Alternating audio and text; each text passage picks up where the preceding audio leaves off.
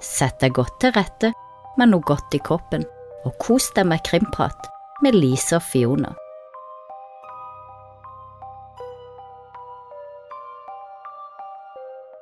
Velkommen til Krimprat med Lise og Fiona. Og i dag så har jeg med meg to gjester, nemlig Halstein og Silje fra Orderud Mysterier.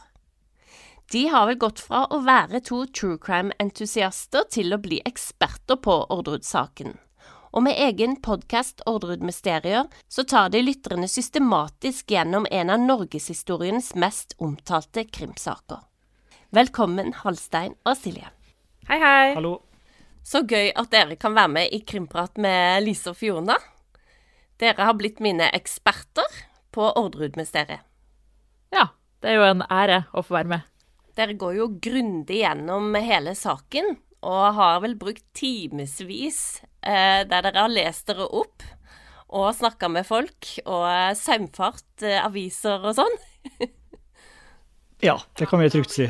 Og det er jo sånn, iallfall for min del, så har jeg tatt opp denne saken med jevne mellomrom. Og så glemmer jeg litt fort også, for det er jo utrolig mange detaljer.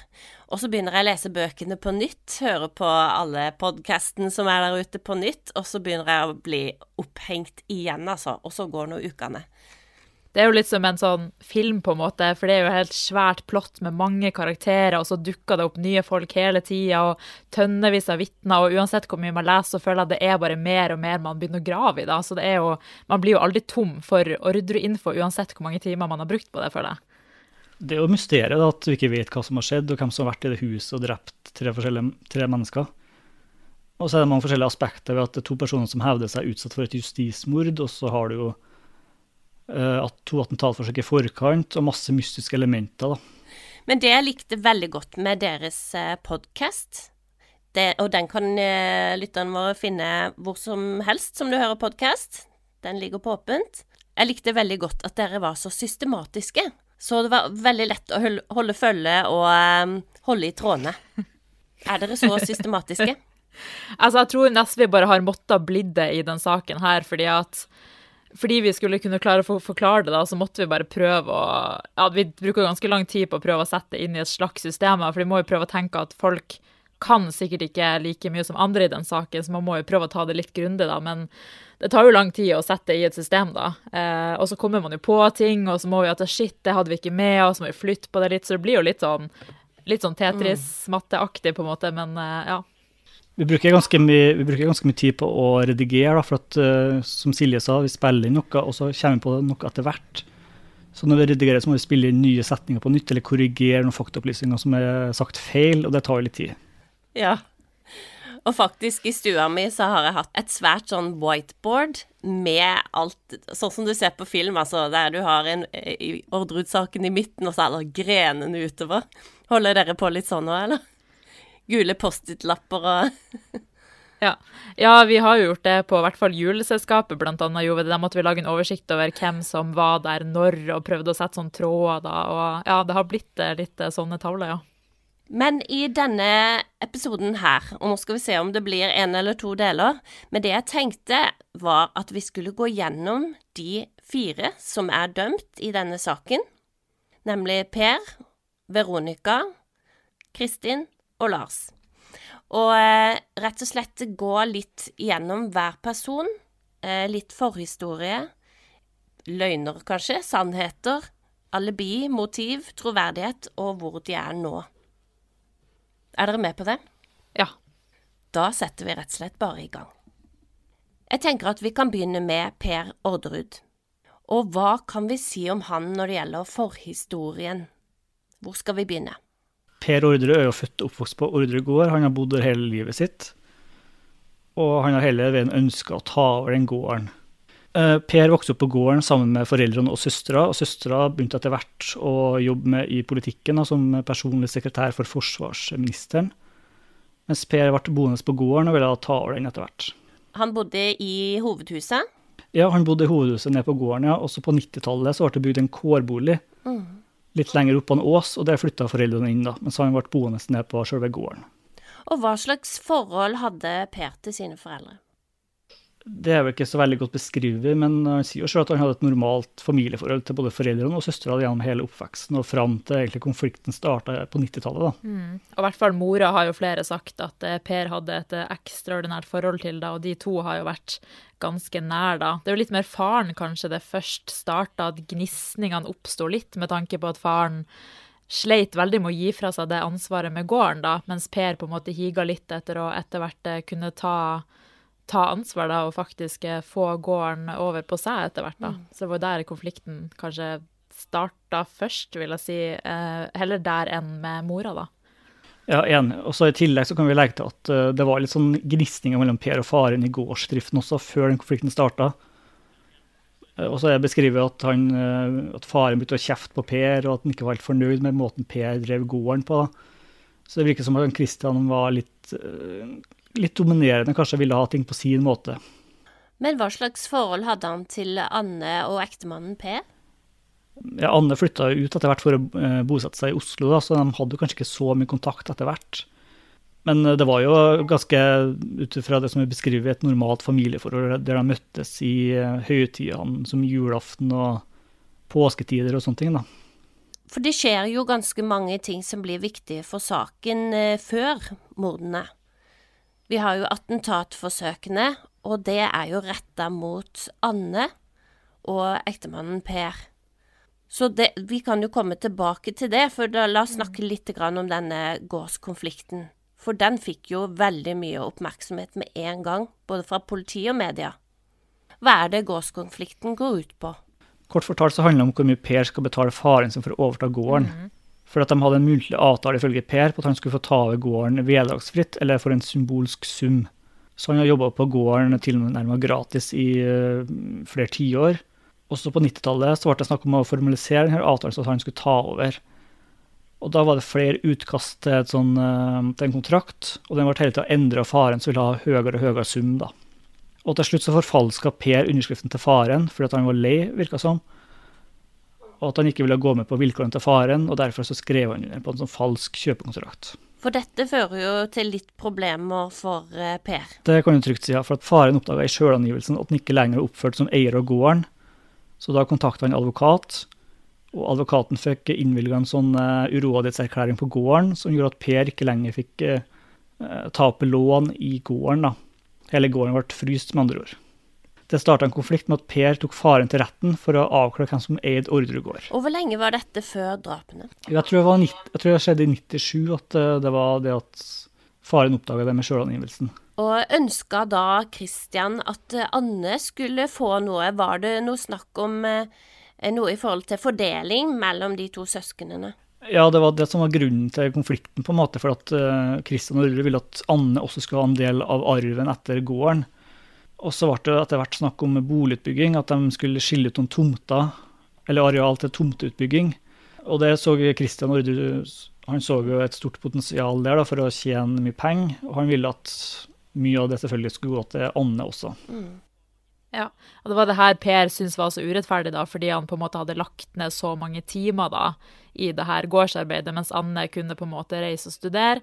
Per studerte jo også juss på et tidspunkt, men han måtte jo stå opp tidlig og ta vare på fjøset, så dra på skole og ta eksamen. Han fikk på en måte ikke den Akkurat som Anne, da, som på en måte kunne reise bort og studere og få seg jobb, så gjorde jo han dobbelt opp. Så jeg tror nok han følte det var veldig urettferdig at de skulle få ganske likt fordelt når han mm. hadde lagt til timer med arbeid da, som, eh, som ikke søstera hans hadde gjort. da. Så denne konflikten den eskalerer jo på en måte eh, ved denne forfalskningen, og de skal jo til retten.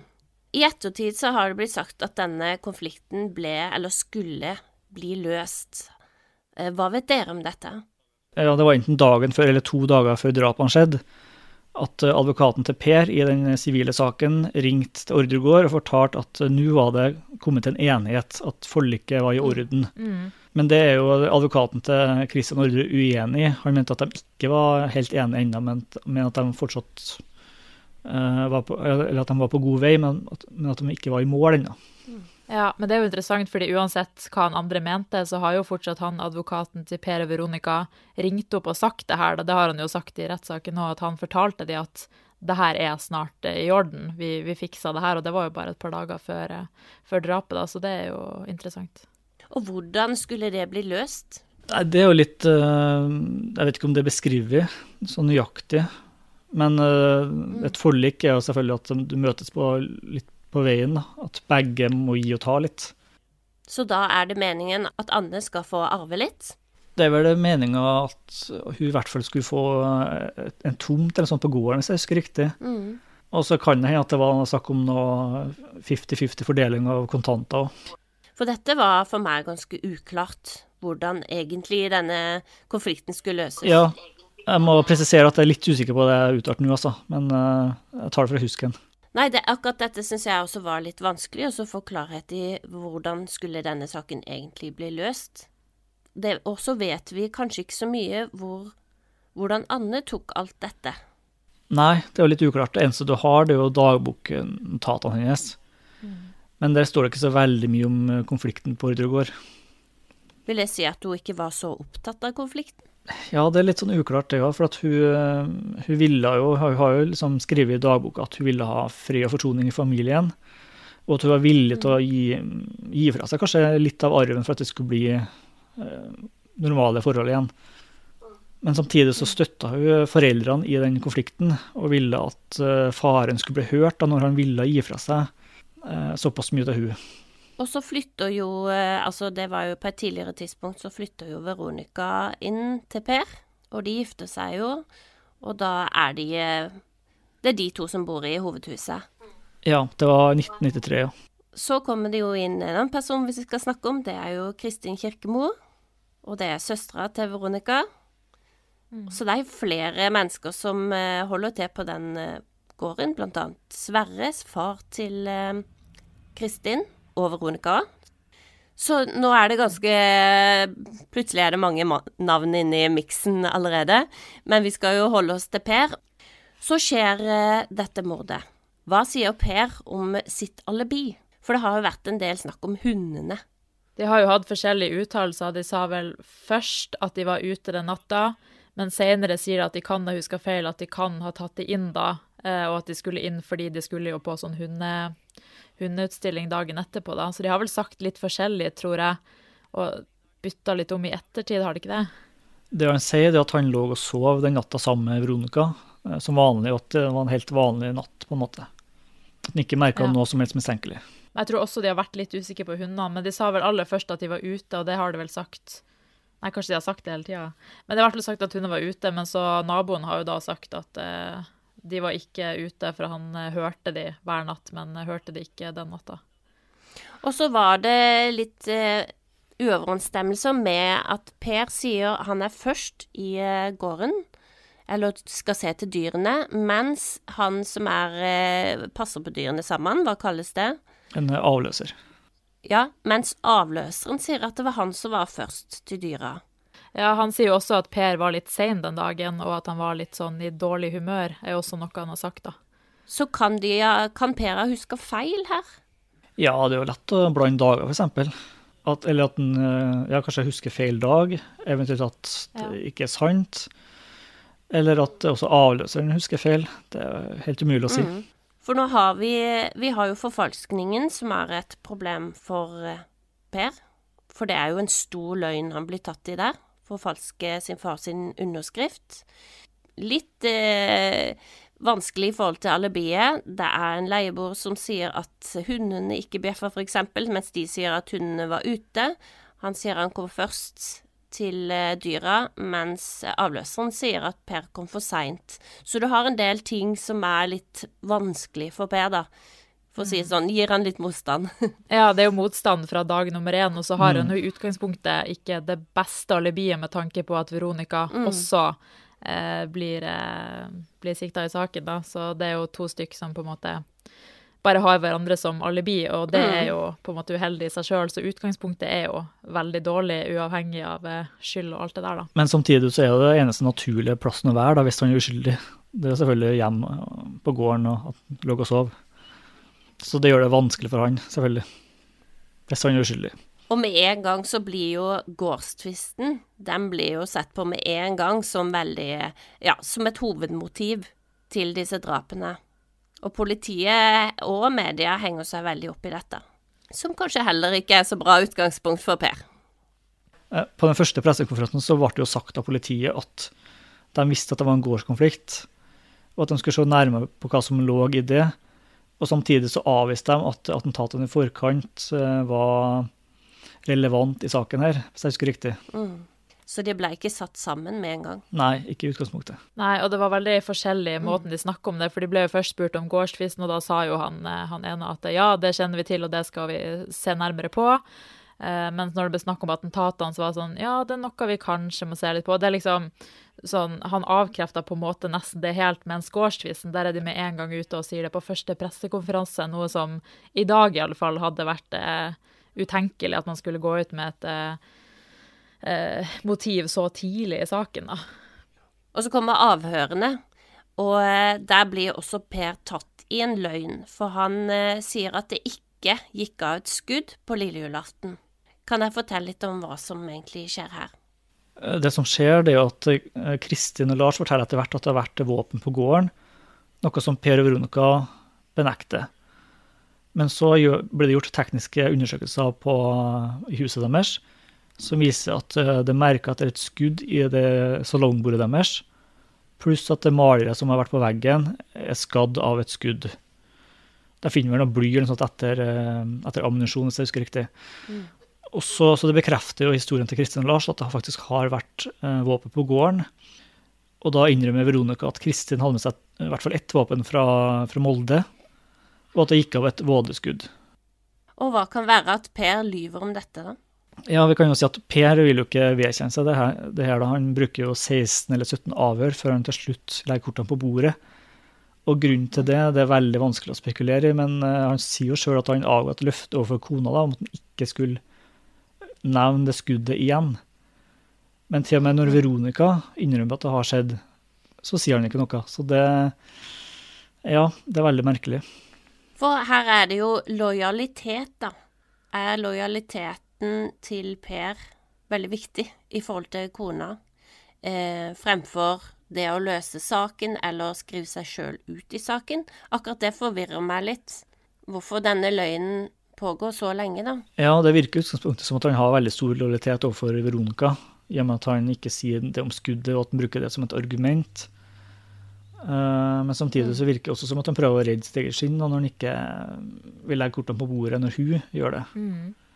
Og i tillegg så sier han jo at han var redd for å ikke bli tatt seriøst i etterkant etter å ha blitt tatt åpenbart i en løgn, da. Og så sier han jo sjøl i rettssaken at han er da redd for at det han sier etterpå, ikke skal være eh, like sannferdig, da, siden han allerede har blitt tatt i en løgn, da. Ja, og nå tenker jeg bare høyt, men for å spekulere så kan det jo hende at en tenker, hvis en er uskyldig, hvis vi legger det som et premiss, at, det, at kanskje saken skulle gå over av seg sjøl, og at det ikke ville bli noen rettssak, og at, den kanskje, at det tryggeste var bare, bare holde på den løgnen helt til det ble ferdig.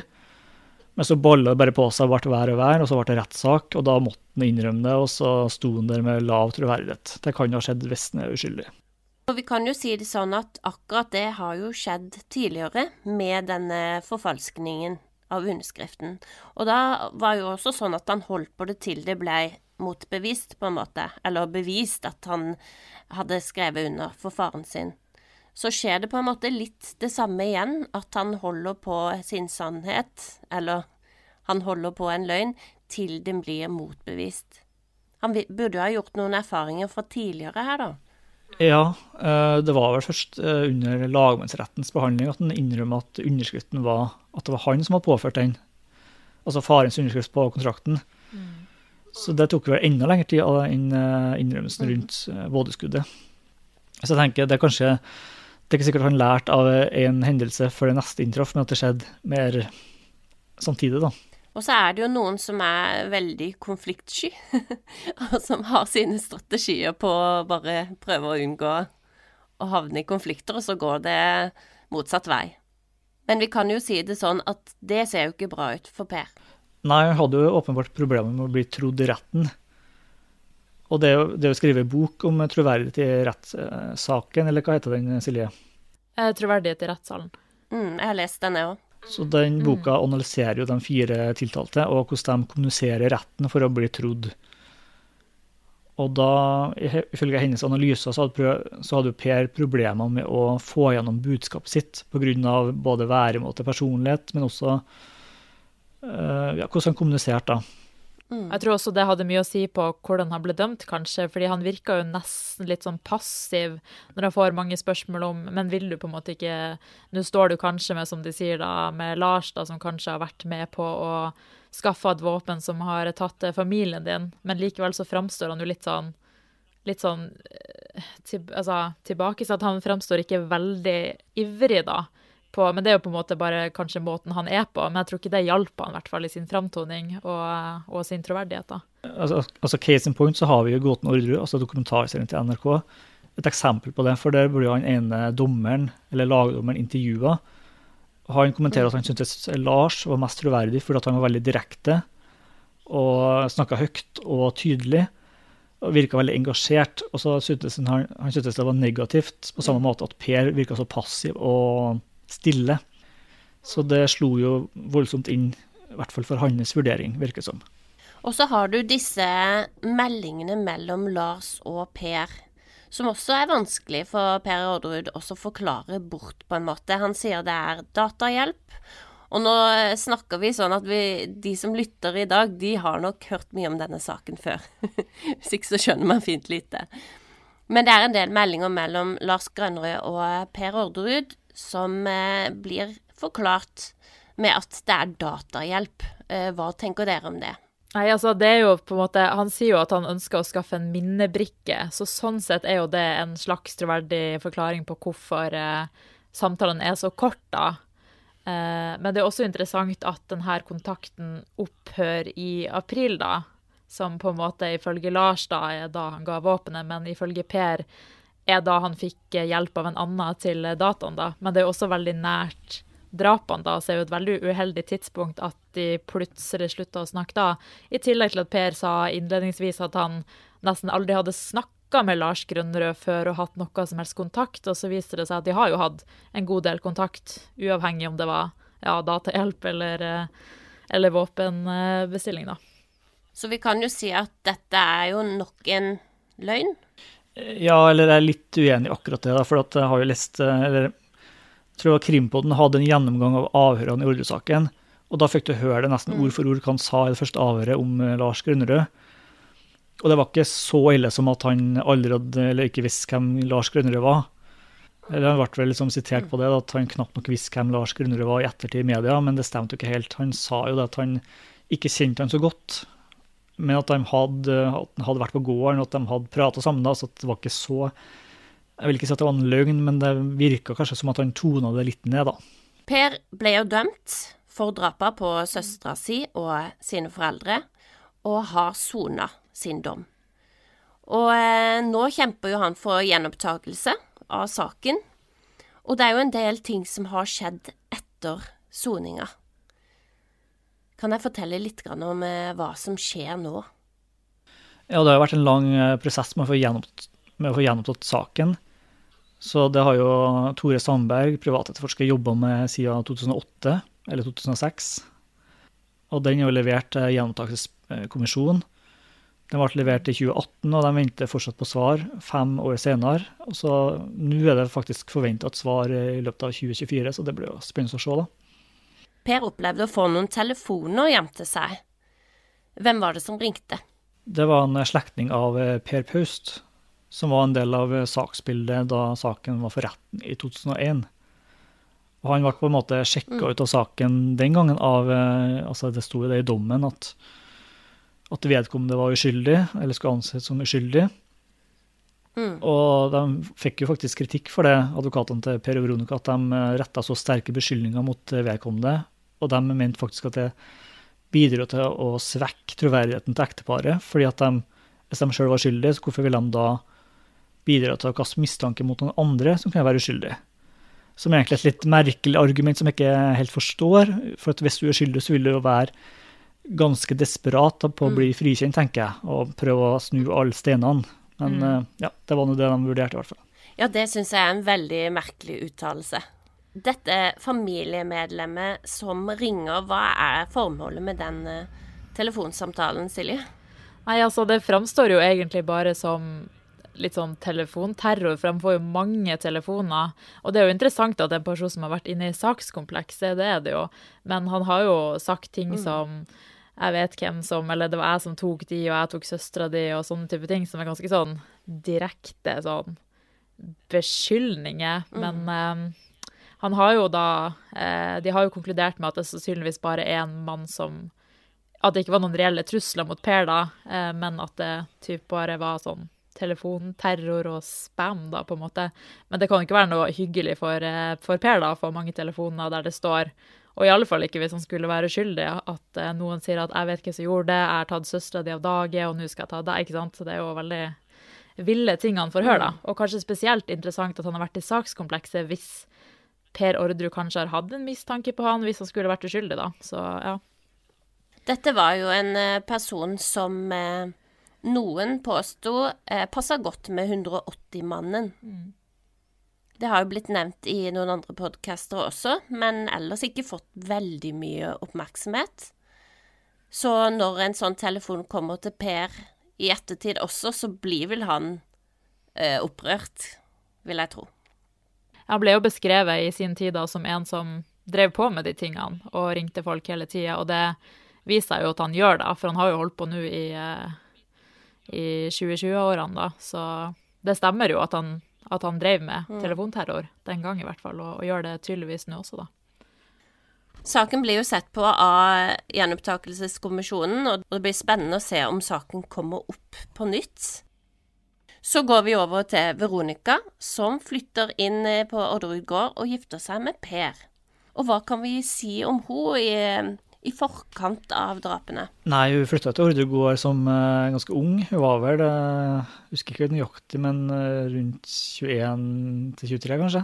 Ja, 21, okay. 21, ja. ja. Så hun flytta jo fra Ekeberg i Oslo da, til Orderud gård, så det var et ganske stort miljøskifte å komme fra byen til landet. Og den gangen så var jo Sørumsand mye, mye mer som et land å regne. I dag er det litt fortetta, og folk eh, kan jo bo der for å pendle til byen, på en måte. Mens den gangen så var det mye mer eh, isolert. Så hun måtte flytte dit for å, for å ta praksis på Orderud gård. Og hva slags familieforhold hadde Veronica fra før?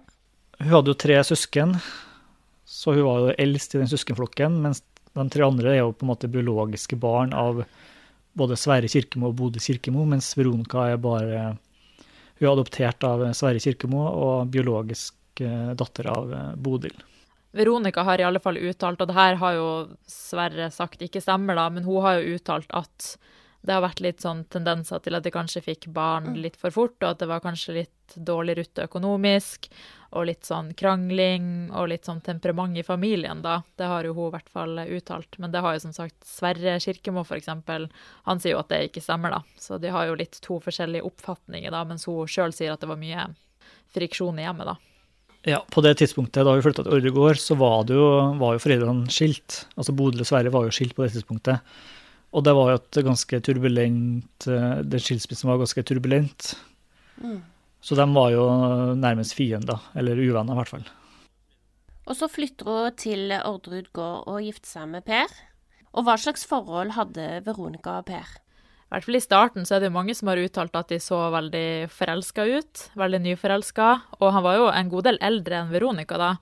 Så det er mange som har sagt at han kanskje var litt sånn trygg havn for henne som kom som en uh, ung eh, student. da. Og hun har jo sagt fra første gang hun møtte han at han uh, hadde på seg lakksko i fjøset. Så det var sannsynligvis at han pynta seg, pynta seg litt opp for den der unge kvinna som kom da. Men det er det flere som har sagt hvert fall at de framsto veldig sånn nyforelska og sånt i starten. Og gikk på butikken og holdt til hender og ja. Så det virka som at eh, det var et genuint par, da. Og kanskje han hadde noe litt stabilt å tilby henne, da, som kanskje kom fra en familie som var litt trøblete til tider, da. Og Marie og Christian, fikk de et forhold til Veronica? Ja, det var vel ikke noe nært eh, forhold til svigerfamilien, nei, men eh, de hadde jo De hadde jo kontakt i starten, før konflikten blussa opp. Men det som jeg beskriver, det er at Veronica ble etter hvert litt irritert over at eh, at mora kom ned med bokser med mat til Per, og at hun tok klesvasken hans to ganger i uka. og at hun syntes det var litt sårende på en måte at det ble antydet at hun ikke var i stand til å lage mat eller å vaske klærne hennes. Så kom aldri helt inn i familien? Nei, det virker som at det var et stort sånn generasjonsskille der som gjorde det vanskelig. At, eller de hadde vel ikke så mye til felles. Og så Christian Norge likte ikke hunder engang, mens Veronica var jo hundefrelst gjennom eh, oppveksten og hadde med seg to schæfere, eller i hvert fall fikk to schæfere etter hvert, som de hadde på Ordregård. Og så Christian Ordre har jo eller ifølge Per så var ikke han så veldig begeistra for kvinnelige veterinærstudenter eller veterinærer. Han var litt sånn gammeldags på det viset. Så det ble også en slags klinsj med hvem Veronica var som person. Og så kommer jo Kristin til gården. Eh, hun har med seg sønnen, eller hun får lov å treffe sønnen på gården. Eh, vi skal jo snakke mer om Kristin, men eh, Og faren til Veronica og Kristin jobber litt i stallen. Så det er ganske mange av Veronicas familiemedlemmer som holder til på Odderud gård. Kan jeg si litt om dynamikken der? Ja, Kristin Kirkemo begynte å henge ganske mye på gården, for hun mista etter hvert omsorgsretten for sønnen sin. Um, og faren lot heller ikke Kristin få treffe sønnen mens hun var rusa. Mens på Ordregård så fikk hun lov til det av Veronica Per, så sønnen brukte ofte å være der, og da kom Kristin på besøk også. Og I tillegg så var hun ganske sånn praktisk anlagt, så hun var glad i å mekke på traktorer og holdt på med sånne praktiske ting. Så hun hjalp jo Per med en del, sånn gårds, med en del gårdsarbeid, som han sikkert satte veldig stor pris på. Og så fikk hun jo, så hun hadde jo Ordregård som en slags fristed, som hun var jo der flere ganger i uka, i hvert fall i 98, mm. den høsten. Og så har du jo faren, Sverre Kirkemo, som uh, ofte hjalp til på gården og var litt sånn uh, flittig arbeidskar, på en måte. Mm. Og det var det jo flere naboer som begynte å reagere på det, at hvem er han personen her som begynner å på en måte infiltrere gården, i hermetegn. Ja. Så ja, det var flere som stilte spørsmålstegn ved det. Ja, det gjorde jo også Kristian. Han også sa jo litt kommentarer om Sverre da, og påpekte vel at han syntes Sverre virka som en verdensmester som skulle komme der og vise seg fram og kunne alt. Da. Så det var vel kanskje noe han som opprinnelig eide gården da kanskje ikke var så stor fan av. Ja, men nå ble den kommentaren sagt under en middag de hadde, så det var en litt sånn ja, ja. tolka som en fleipete kommentar, men eh, det kan jo at den følte effekt òg, ja. Og hva syns Sverre om at eh, Kristin og David hang sammen på Orderud gård? Var de der samtidig? Ja, Det var et godt spørsmål, egentlig. For han fikk jo egentlig ikke Kristin fikk, fikk, jo egentlig ikke lov til å treffe sønnen mens hun var rusa. En ting som jeg syns er litt vanskelig å få tak i, det er Veronicas eh, følelser for sin søster igjen, Kristin. Hva slags forhold de to har. Hva vet dere om det fra Veronicas side? Ja, hun har jo sagt at uh, de hang sammen som eh, barn, på en måte, men at de, ikke, at de, aldri, at de aldri hadde noe spesielt nært forhold, og at de hadde litt ulike interesser. Veronica ble beskrevet, eller har sagt det sjøl, at hun var på en måte en lesehest som likte godt å være innendørs og lese bøker, studere uh, og være sammen med besteforeldrene. Mens Kristin var mer aktiv og mer impulsiv, ikke like glad i å studere og lese. Så de, det er ikke sikkert de hang så veldig mye sammen i barndommen nødvendigvis. Så tror dere det var David da som eh, gjorde at Veronica ønsker å ha Kristin på gården? Tror nok det har vært en stor faktor. Det virka jo som at eh, Per og Veronica var jo veldig glad i David og var jo mye med han og passa på han, så jeg tror nok det kanskje var et slags bindeledd, i hvert fall, og kanskje de ble mer kjent. For det virka jo som at hun hadde en slags øh, omsorg for at Kristin skulle få lov til å være med David, da. Og har jo sagt før at hun så hvor mm. mye det betydde for hun å være med sønnen sin. Så hun har jo på en måte hatt en, en empati for det, da, og virka som at hun ville, ville, at det skulle skje, da. Og hun har jo også sagt at i hvert fall i starten da hun fikk David, så roa jo Kristin seg med rusen og sånn, og så tok det, jo, tok det seg jo opp etter hvert. Men øh, jeg tror nok kanskje hun mente i starten at det var bra for Kristin da, å få en sønn, og kanskje hun blir litt mer sånn nepp og, og sånne ting, da. Eh, vi snakker jo litt om eh, både alibi og motiv her, og alibiet blir jo litt eh, det samme som eh, med Per, for de var jo sammen. Og motivet her har jo Det ble jo som sagt mm. i stad med Per at det ble rett på gårdstvisten, og at da Veronica også kunne ha det samme motivet, da, siden hun var gift med Per. Hva utover det har blitt sagt om eh, Veronicas motiv? Nei, Jeg tror jo det som du sier, at det er gårdstvisten, at det som på en måte gagner Per, gagner også Veronica. Men så er det jo litt forskjellig om folk mener at det var Per som eventuelt var initiativtakeren. Noen sier jo at det var Per fordi han var sta og ville ha det på sin måte, mens andre sier at nei, nei, det var Veronica som eh, på en måte manipulerte Per inn i det, da. Så det er jo litt sånn forskjellig snakk om eh, det var begge to som fant ut av det eventuelt, da, eller om det var den ene eller den andre initiativtakeren. Men i bunn og grunn så tror jeg det på en måte bunna eventuelt i det samme motivet, da, for det er jo gårdstvisten det handler om for begge to, da. Mm. Og derfor så blir jo det med Kristin også viktig. Altså når Veronica, Kristin, Sverre, David og Per var på gården, ble det snakka om noe fremtidsdrømmer de hadde sammen i forhold til Ordrud gård? Nei, jeg tror ikke de snakka med Kristin om uh, gården og fremtidsutsiktene. Fordi at de mente at Kristin ikke var på en måte 100% tilregnelig. da, For at hun rusa seg og var mm. uh, ikke helt A4 da, og levde et utsvevende liv. Så de, hun syntes det var problematisk å ha sånne voksne samtaler med Kristin om, uh, om f.eks. framtida. Men det vi vet, det var at det ble funnet et utkast til et testament der eh, sønnen til Kristin ble, eh, skulle arve Ordregård dersom Per og Veronica falt fra samtidig. Mm. Og så er det litt uklart om Kristin eventuelt hadde kunnskap om det testamentet eller ikke. Hun hevder jo selv at hun ikke visste om det. Og Veronica og Per sier at de aldri har visst det til Kristin, men samtidig så har det jo ligget en skuff på Ordregård. Og Kristin var kjent for å på en måte snoke en god del, både på Orderud og også hjem i barndomshjemmet. Så det er jo en teoretisk mulighet for at hun kan ha sett testamentet, men uten at vi skal legge det til grunn, da. Mm, så dette var jo Veronica og Pers tanker om fremtida og hva som kunne skje med Orderud gård eh, ja, langt frem i tid, da. Egentlig. Mm. Mm, og det er jo selvfølgelig ikke signert det testamentet, da. Det har bare logget på en måte gjort mm. klar, men ingen signatur har blitt gitt, da. Ja, altså det var jo egentlig bare en sånn uh, sikkerhet i tilfelle det skulle skje noe med begge to. Det var argumentet de har sagt i ettertid, at det ble bare opprettet fordi at uh, hvis det skulle skje noe med dem, så ville de i hvert fall være sikre på at gården havna til ja, noen de ville skulle ha gården, da, som David. Altså sønnen til Kristin. Så det betyr jo også at David var veldig viktig for dem. Ja, han hang jo mye på gården, og de ble jo, som Silje sa tidligere, ganske glad i David. Og, mm. og så er vi på lille julaften. Og eh, her kommer jo en av de tingene som kanskje er mest problematisk for Veronica, for eh, hun lyver jo også om hva som skjedde på lille julaften, og våpnene som gikk av. Ja, de sier jo at det kan ikke ha gått av akkurat sånn hun forklarte det, i hvert fall med hvordan de sto og stillinga var, og hvordan de sto i forhold til bordet da.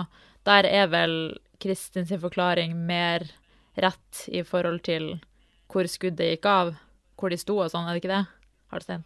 Ja, nå er det veldig teknisk, men i hvert fall så påstår Veronica sjøl at politiet verken kunne bekrefte Kristin eller hennes versjon. At de mente at ingen av versjonene stemte rent teknisk. Men det har jeg ikke funnet støtte i, i dokumentene. Men det kan hende det ligger i rettsdokumentene, men det har ikke vi tilgang på. Så første problemet er vel at hun sier at det ikke har gått av skudd, og så sier de at det er, kan ikke ha skjedd sånn som du forklarer det. Uh, og sånn Veronica selv har forklart det, så er det Kristin hun prøver å beskytte. Ja, hun sier jo det at uh, hun uh, ikke sa noe om skuddet fordi hun var redd for at Kristin skulle miste omsorgsretten eller aldri få omsorgen igjen for sønnen. Hvis det kom frem at hun hadde sikta på hun med en pistol. Og det som er problematisk der, er jo at man står midt i en alvorlig drapssak, og så velger hun da å skal beskytte sin søster. Så hva, hva sier det om troverdigheten? Nei, Det syns jeg er veldig vanskelig å vurdere, for man vet ikke helt hva som er den reelle motivasjonen for å ikke fortelle om skuddepisoden. Mm. Du vet ikke om hun faktisk er uskyldig eller skyldig. Det vil jo endre det premisset veldig ut ifra hva, hva som er virkeligheten. Men la oss si at hun er skyldig, så kan jo det Da er jo det en måte å beskytte seg sjøl på, eller å distansere seg fra hendelsen. Men det er det også hvis hun er uskyldig, på et vis. Da kan hende at hun, i tillegg til å forsvare Kristin, så kan hende at hun var redd for å bli implisert i saken, og at hun tenkte at politiet kom til å finne ut hvem det var som utførte drapene, og at det ikke var noe poeng å involvere familien eller å legge ut om vanskelige familieforhold. Og det ser man jo i veldig mange saker, at folk lyver om veldig mye mindre farlige ting. Eh, og så ser det rett og slett ikke bra ut. Ja, det er jo det at det er på en måte, det er jo flaut da, å bli tatt i en løgn uansett. Uansett om det er ubetydelig eller ikke. Mm. Som det med den kjøpekontrakten. Nå vet jo ikke vi om den er relevant eller ikke for saken. Men uansett så er det jo det er ganske tungt for Per, tenker jeg, å bli tatt en løgn rundt det. At han har uh, svindla faren sin, og at det skulle komme ut i nærmiljøet. Det er jo en stort personlig nederlag uansett, tenker jeg. Mm. Og så må vi jo komme litt inn på Anne og Per, for det er jo der attentatforsøkene har blitt retta, ikke sant? Og dette er jo før drapene.